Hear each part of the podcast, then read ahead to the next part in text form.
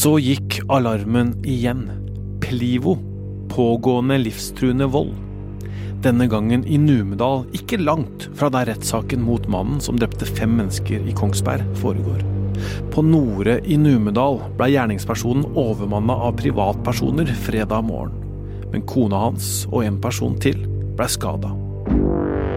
Jeg heter Tor Erling Tømterud, og dette er en ekstraepisode av Krimpodden i VG.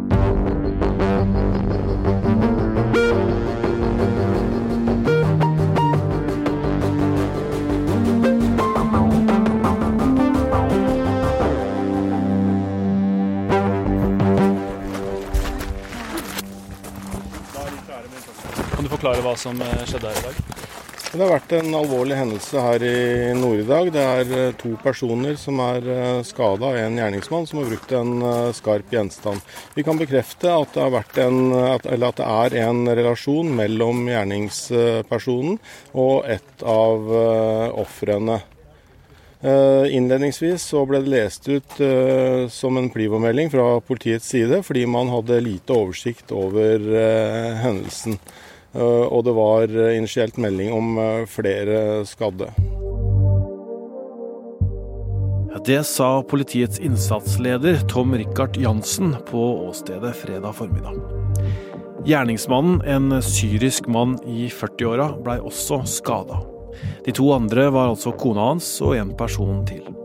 En av dem er kritisk skada når vi spiller inn denne episoden.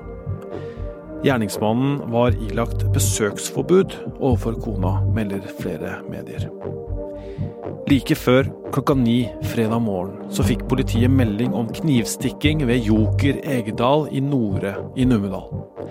Disse meldingene nådde media, som sendte ut sine push-varsler. Og hva gjorde du da, krimkommentator i VG, Øystein Millie?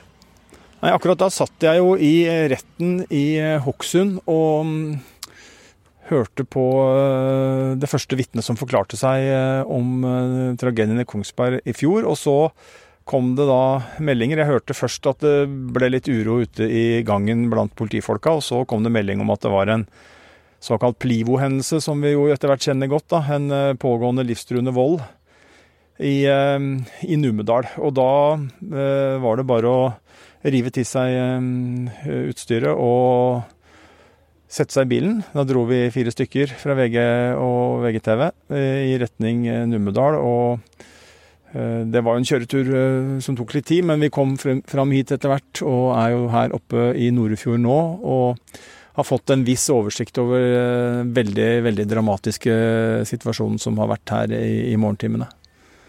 Hva er det som har skjedd, da? Alle svar har man jo selvfølgelig foreløpig ikke, men det som har skjedd er at det er en kvinne som har en relasjon til mannen som er sikta, som er angrepet med kniv, eh, og som er eh, kritisk skadd. Det ser ut som om dette angrepet har skjedd i et veikryss rett nedenfor en jokerbutikk. Dette er et ganske lite sted jeg er i nå, et typisk norsk lite lokalsamfunn hvor sentrum består av et veikryss, hvor det er en jokerbutikk, som sagt. Det er en kirke. Eh, og så er det en nedlagt stasjonsbygning som jeg står utafor akkurat nå. Og så ligger, ligger, en videregående skole og en idrettshall og en fotballbane på oversida av tog, den gamle nedlagte toglinja som, som, går midt igjennom eh, det du kan kalle sentrum her. I et veikryss utafor eh, Jokerbutikken så er det veldig tydelige blodspor. Og så øh, forteller brannvesenet nå at øh, det var øh, andre som kom til som pågrep denne mannen. Han ble pågrepet eh, ved et busskur som jeg står rett ved siden av. Hva mener du med at de pågrep han? Nei, de gikk eh, Må ha gått inn i situasjonen med, med fare for sitt eget liv. Og, og klarte å stoppe han. Eh, og da brannvesenet kom, forteller de, så, så, lå han på bakken. Ingen politifolk var kommet fram foreløpig. Brannvesenet tok da teip og teipa gjerningsmannen fast på armer og bein, sånn at han eh, ikke kunne gjøre mer skade. Så det var eh, en eh, svært heltemodig innsats av flere her i dag som kan ha hindra at dette gikk enda verre enn det faktisk har gjort. Og så vet vi jo ikke utfallet her enda. Det er uavklart hvordan det har gått med i hvert fall da den alvorlig skadde kvinnen som er fløyet til sykehus. Eh, også en annen person er fløyet til, til sykehus med skader. men det er ikke sagt noe om at skadene til vedkommende er så alvorlige, men, men det vet vi som sagt ikke alt om ennå. Hva er det vitnet sier da? Nei, de sier jo at de har hørt uh, og sett at uh, denne kvinnen ble angrepet, at hun skrek, at hun lå på bakken. Uh, og så er det vel også noen som har sagt noe om at det var en, en buss i nærheten. Og så er jo spørsmålet da om, om denne bussen den har en, en rolle i, i, dette her, i den forstand at enten kvinnen eller gjerningspersonen kan ha vært på den, eller hva det er som har skjedd. Men, men det er jo ja, det har i hvert fall eh, vært en svært dramatisk situasjon eh, hvor, eh, hvor, da tre personer har blitt skadd. Og det er da gjerningspersonen som har noen skader. Og så er er det da to andre. Den ene er en kvinne som har en relasjon til han, og som da er kritisk skadd. Og så er det ikke gitt noen eksakt oppdatering på skadeomfanget til den til den eh, skadde nummer tre, men utover at vedkommende er fløyet til sykehus. Eh, og så må vi bare avvente og få mer informasjon om det etter hvert. Du satt altså i eh, rettssaken mot mannen som angrep og drepte fem personer med kniv i Kongsberg i oktober i fjor, og så skjer dette her i ganske nærheten. Er det, er det på en måte noe likt modus i disse sakene? Det er jo veldig vanskelig å si, og det vil jo etterforskningen forhåpentligvis avdekke. Men, men det tyder jo ikke på det, da, i og med at, uh, i og med at hvert fall en av offer, et av ofrene har en relasjon til gjerningsmannen, så, så, ser det jo ut som disse sakene skiller seg uh, ganske mye, i hvert fall på det tidlige stadiet som vi er nå. Så skal ikke vi trekke noen konklusjoner enda, men ut fra den informasjonen vi sitter på nå, så mener jeg det er grunnlag for å si at disse sakene allerede i startfasen ser ulike ut.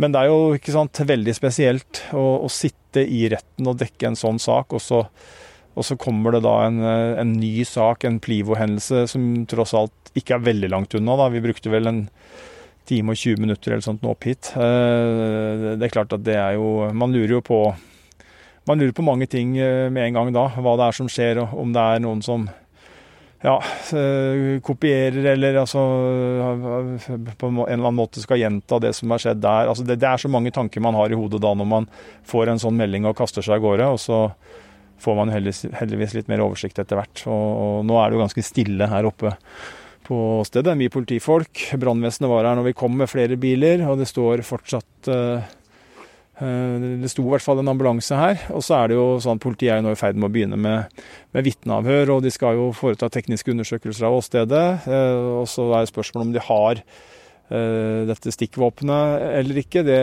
kunne de ikke svare på foreløpig, men det tyder ikke på at noen leter etter det akkurat nå. Og så vil jeg tro at de jobber med å avklare situasjonen rundt den antatte gjerningsmannen, og henter inn informasjon om han. Både fra det de måtte finne i offentlige registre, om han har tidligere straffehistorikk. Eh, man vil sikkert kontakte både familie, hvis han har det. De vil kontakte andre vitner som kjenner han. Eh, og de vil helt sikkert også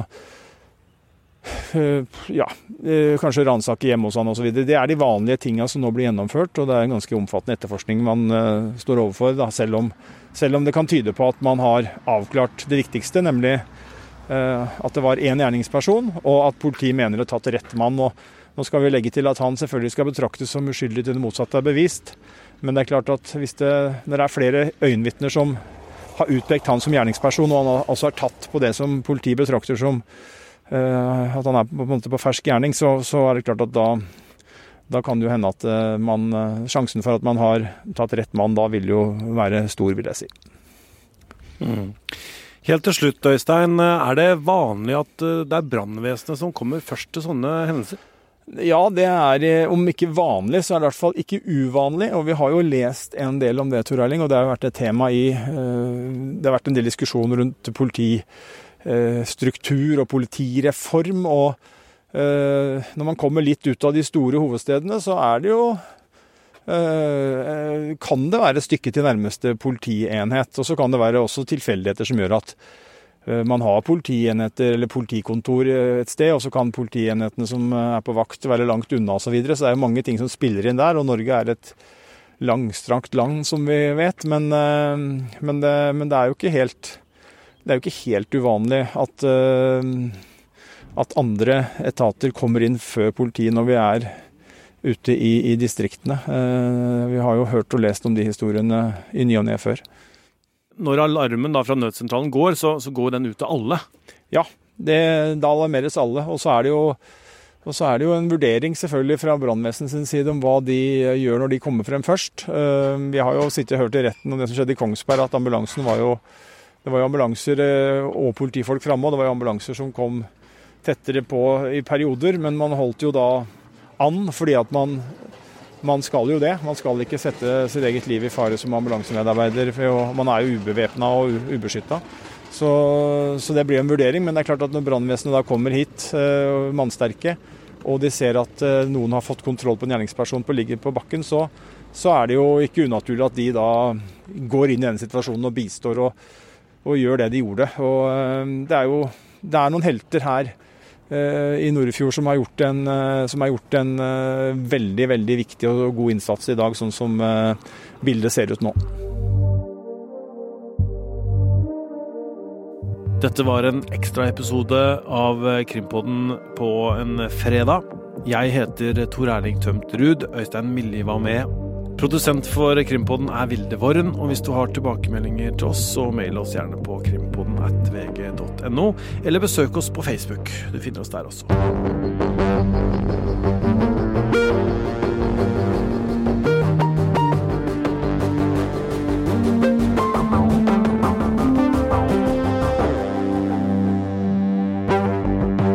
Du har hørt en podkast fra VG. Ansvarlig redaktør, Gard Steiro.